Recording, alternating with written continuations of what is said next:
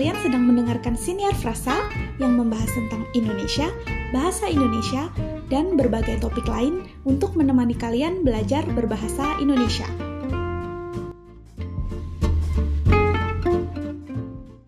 Halo teman Frasa, kembali lagi bersama aku, Yohanes, Dan aku Trias. di Siniar Frasa Bahasa Indonesia.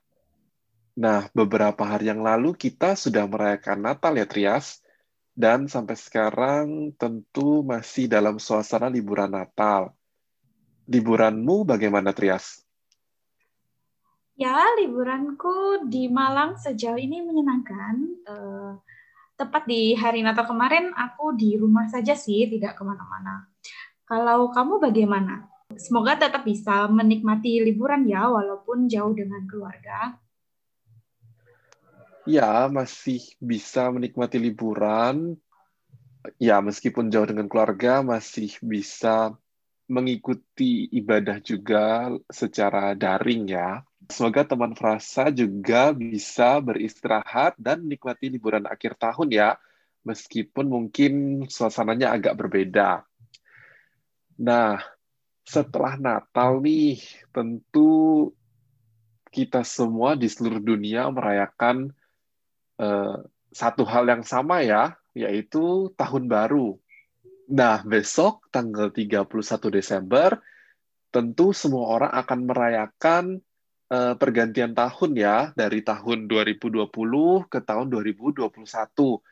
Nah, di Indonesia sendiri bagaimana suasana menjelang tahun baru? Ya, di Indonesia sepertinya tidak jauh berbeda ya dengan tahun-tahun sebelumnya. Kalau misalkan kita lihat dari uh, ramainya tempat-tempat umum uh, misalkan uh, aku di Malang ya banyak sekali orang-orang datang dari luar kota untuk merayakan liburan Nataru tahun ini.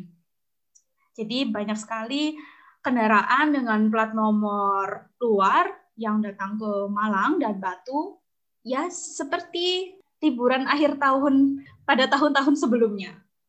Oke, uh, tapi dengan melakukan penjarakan sosial atau kalau dari regulasinya itu setiap kota yang aku tahu berbeda-beda ya. Misalkan di kota Surabaya pemerintahnya memutuskan untuk menutup akses uh, jembatan Suramadu yang menghubungkan Surabaya dan Madura misalkan untuk uh, mengurangi banyaknya orang yang datang ke Surabaya dari Madura. Kemudian untuk misalkan datang ke Jakarta atau misalkan datang ke Bali yang sebelumnya ya bisa hanya menggunakan tes cepat, sekarang perlu menggunakan uji usap atau swab test. Kemudian eh, tempat-tempat umum, misalkan rumah makan, eh, pusat perbelanjaan juga menerapkan protokol kesehatan masing-masing, namun pada praktiknya ya tidak benar-benar dilakukan karena jumlah orang yang sangat banyak. Eh, itu dari pengamatanku ya. Semoga masih banyak tempat yang menjalankan protokol kesehatan dengan baik. Oke, jadi di Batu atau Malang masih ramai ya seperti biasa. Mungkin teman Frasa juga tahu kota Batu adalah uh, salah satu tempat wisata ya atau tujuan liburan bagi orang-orang terutama dari Jawa Timur ya. Ya, perbedaan yang bisa kita lihat ya hanya uh, sekarang orang-orang menggunakan masker itu saja, tapi dari jumlah orang tetap sangat banyak. Tetap ramai. Iya. Lalu tetap macet ya pastinya. Iya. Iya. Ya makanya aku di rumah saja supaya tidak macet dan menghabiskan waktu di jalan. Iya, oke. Nah, kalau kita membahas momen pergantian tahunnya sendiri saat mendekati pukul 12 malam, biasanya apa yang dilakukan oleh orang Indonesia? Kita membahas sebelum pandemi ya. Biasanya ya. banyak sekali acara yang digelar di tempat umum, baik itu oleh pemerintah sendiri maupun dari masyarakat. Misalkan uh, ada konser, acara bakar-bakar bersama tahun baru identik dengan kembang api juga kan. Jadi ya banyak sekali tempat-tempat yang kemudian menyalakan kembang api yang sangat banyak di malam pergantian tahun. Ya sama seperti di berbagai penjuru dunia lainnya. Oke, eh, bakar-bakar yang kamu maksud itu apa ya? Bakar-bakar yang aku maksud adalah biasanya kita kumpul bersama keluarga atau bersama teman-teman. Kemudian kita bakar jagung, uh, bakar ayam, ikan, seperti ah, itu. Okay. Jadi kita menikmati hidangan bakar-bakaran gitu. Seperti barbecue begitu ya? Iya, iya benar. Uh, ya teman serasa selain kembang api, hal yang identik dengan tahun baru di Indonesia adalah bakar jagung. Jadi harga jagung akan sangat tinggi menjelang tahun baru. Ah, oke. Okay. Ini pengetahuan baru termasuk buat aku sih. Oh iya. Aku baru tahu Iya, harga jagung naik di akhir tahun. ya sebenarnya tidak hanya harga jagung ya, harga semua bahan makanan karena Natal dan Tahun Baru kan pasti kebutuhan untuk memasak, kebutuhan untuk membeli makanan lebih banyak daripada biasanya. Jadi harga kebutuhan pokok juga menjadi naik. Oke, dan memang cuaca di Indonesia mendukung ya saat meskipun saat Tahun Baru eh, tetap cocok untuk bakar-bakar itu tadi ya. Sementara iya. mungkin dibandingkan dengan di Eropa mungkin cuacanya terlalu dingin untuk melakukan aktivitas di luar. Ya benar. Uh, ya. Jadi karena banyak sekali yang uh, menyambut tahun baru dengan berkumpul bersama dan kemudian melakukan bakar-bakar ini, uh, jadi akan banyak ditemukan di sepanjang jalan, terutama di kota-kota tempat wisata, penjual jagung, penjual arang, seperti itu. Uh, Oke. Okay. Dan juga aku lupa satu hal yang agak berbeda di tahun baru kali ini biasanya dua minggu atau mulai awal Desember ya itu sudah banyak kita temukan penjual trompet tapi sepertinya tahun ini ya. tidak banyak menemukan penjual trompet di pinggir-pinggir jalan karena ya pasti perayaan tahun baru di ruang publik kan dibatasi ya dari penggunaannya ya eh, dikhawatirkan mungkin terjadi penularan virus yang lebih mudah jika kita banyak menggunakan trompet mungkin. Iya, apalagi anak kecil mungkin bisa bermain dengan ya. saudaranya. Kemudian mereka gantian trompet. Ya, mungkin seperti itu. Kalau tadi perayaan malam tahun baru di Indonesia kan identik dengan kembang api dan bakar jagung. Kalau di Eropa yang aku ingat sih ya sama ya kembang api atau ada yang lain Uh, ya, uh, yang paling utama sih memang acara kembang api ya, yang biasanya diselenggarakan oleh pemerintah, ya biasanya di monumen utama ya, di kota tempat tinggal kita. Nah, biasanya kita juga uh, bisa membeli kembang api meskipun tentu yang ukurannya bukan yang terlalu besar ya untuk keamanan. Nah, perbedaannya di tahun ini, terutama mungkin di Jerman, kembang api dilarang untuk dijual, jadi tidak akan ada pesta kembang api di sini untuk menghindari orang-orang berkumpul. Jadi tentu ya perayaan tahun ini akan berbeda ya. Ya, uh, aku baca sih kemarin kalau di Paris biasanya kan kita bisa melihat proyeksi dan juga kadang ada kembang api di uh, Arc de Triomphe dan ada wacana tahun ini tetap akan diadakan, namun hanya bisa disaksikan secara daring. Jadi seperti okay. sayang ya, akan sangat bagus kalau kita bisa melihat secara langsung. Nah, kalau kamu biasanya uh, merayakan malam tahun baru seperti apa? Waktu kamu di Indonesia seperti apa? Lalu kamu di Eropa juga seperti apa? Ya, waktu di Indonesia aku merayakan tahun baru di gereja karena biasanya ada juga ibadah tahun baru.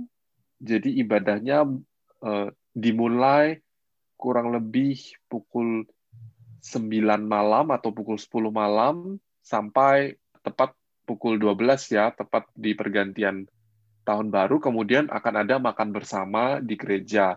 Itu waktu aku di Indonesia dulu. Tapi waktu di Paris, ya itu tadi ya yang kamu sebutkan ada kembang api di Arc de Triomphe. Ya aku sempat uh, satu atau dua kali menyaksikan kembang api di sana. Ya memang itu mungkin satu-satunya pertunjukan yang ada ya di Paris. Jadi uh, memang aktivitas semua orang sepertinya terpusat di daerah situ. Itu yang aku lakukan. Nah, untuk tahun ini sih sepertinya aku akan di rumah saja sih.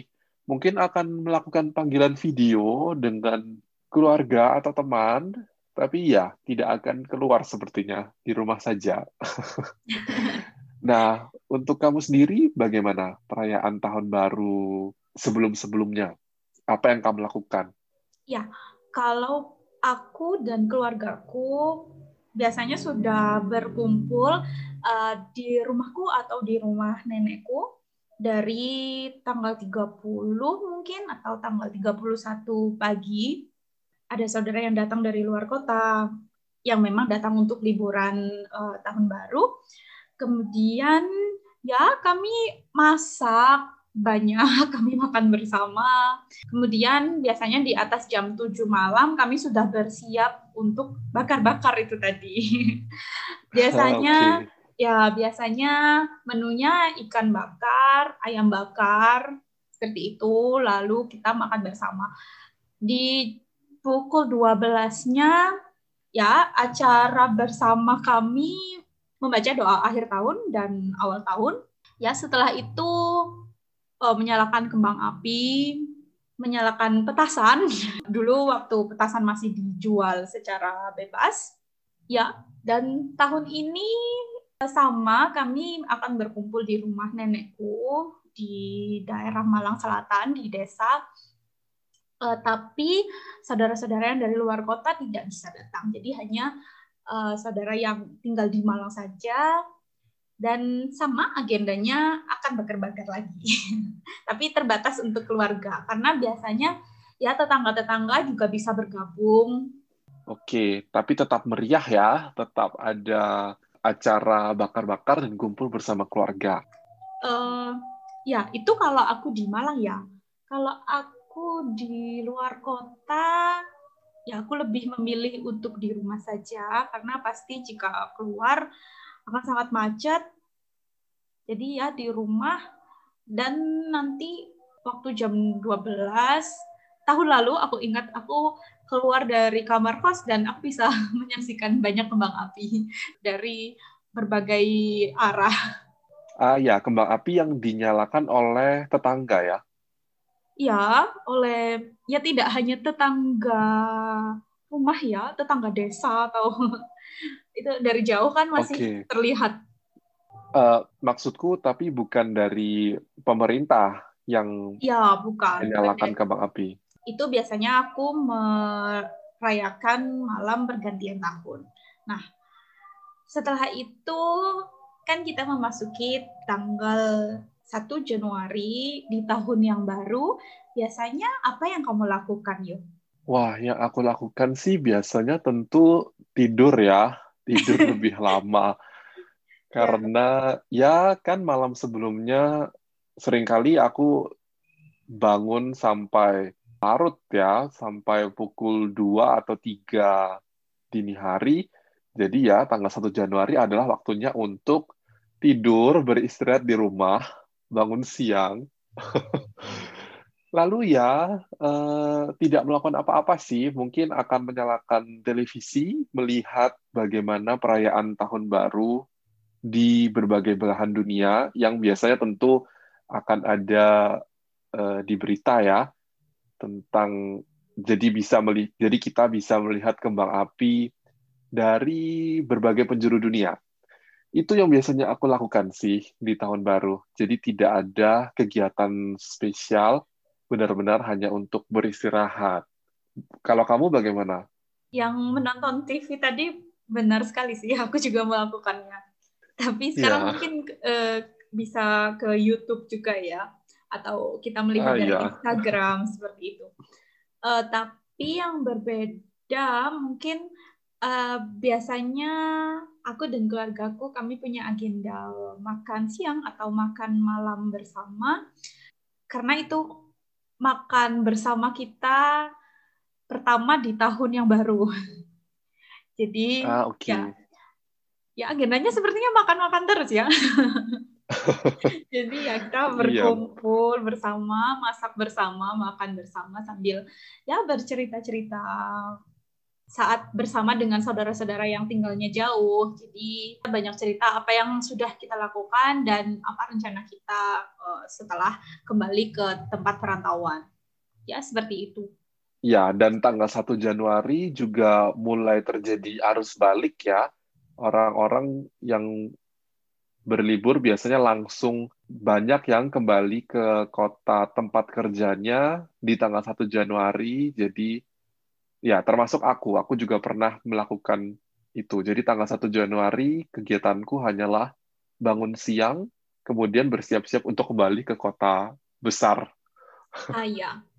Ya, untungnya sih tahun ini tanggal 2-nya di akhir pekan ya, jadi ah, ya. lebih panjang liburannya.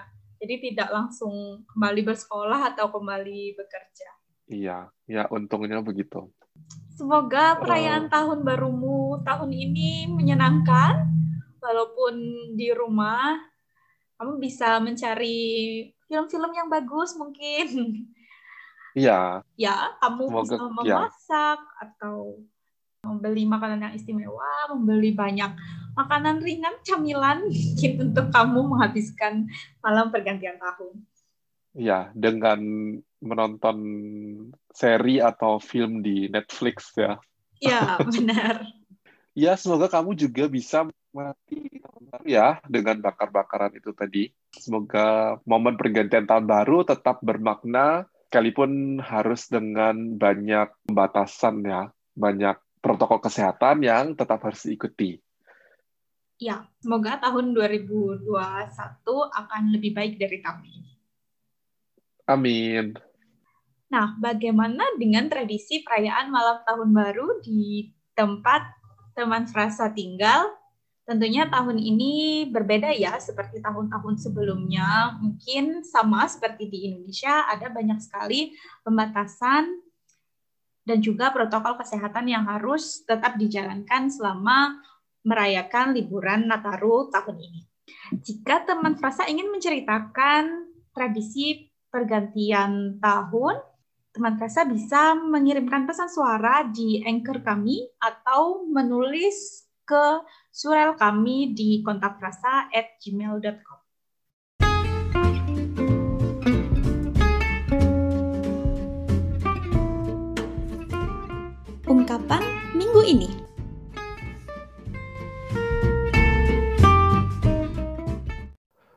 Ungkapan minggu ini adalah sebuah kata, yaitu Nataru.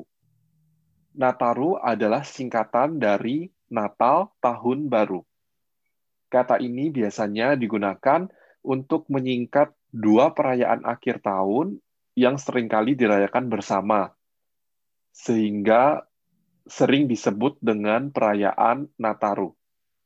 Kami dari Frasa mengucapkan selamat Nataru bagi teman Frasa di mana pun kalian berada.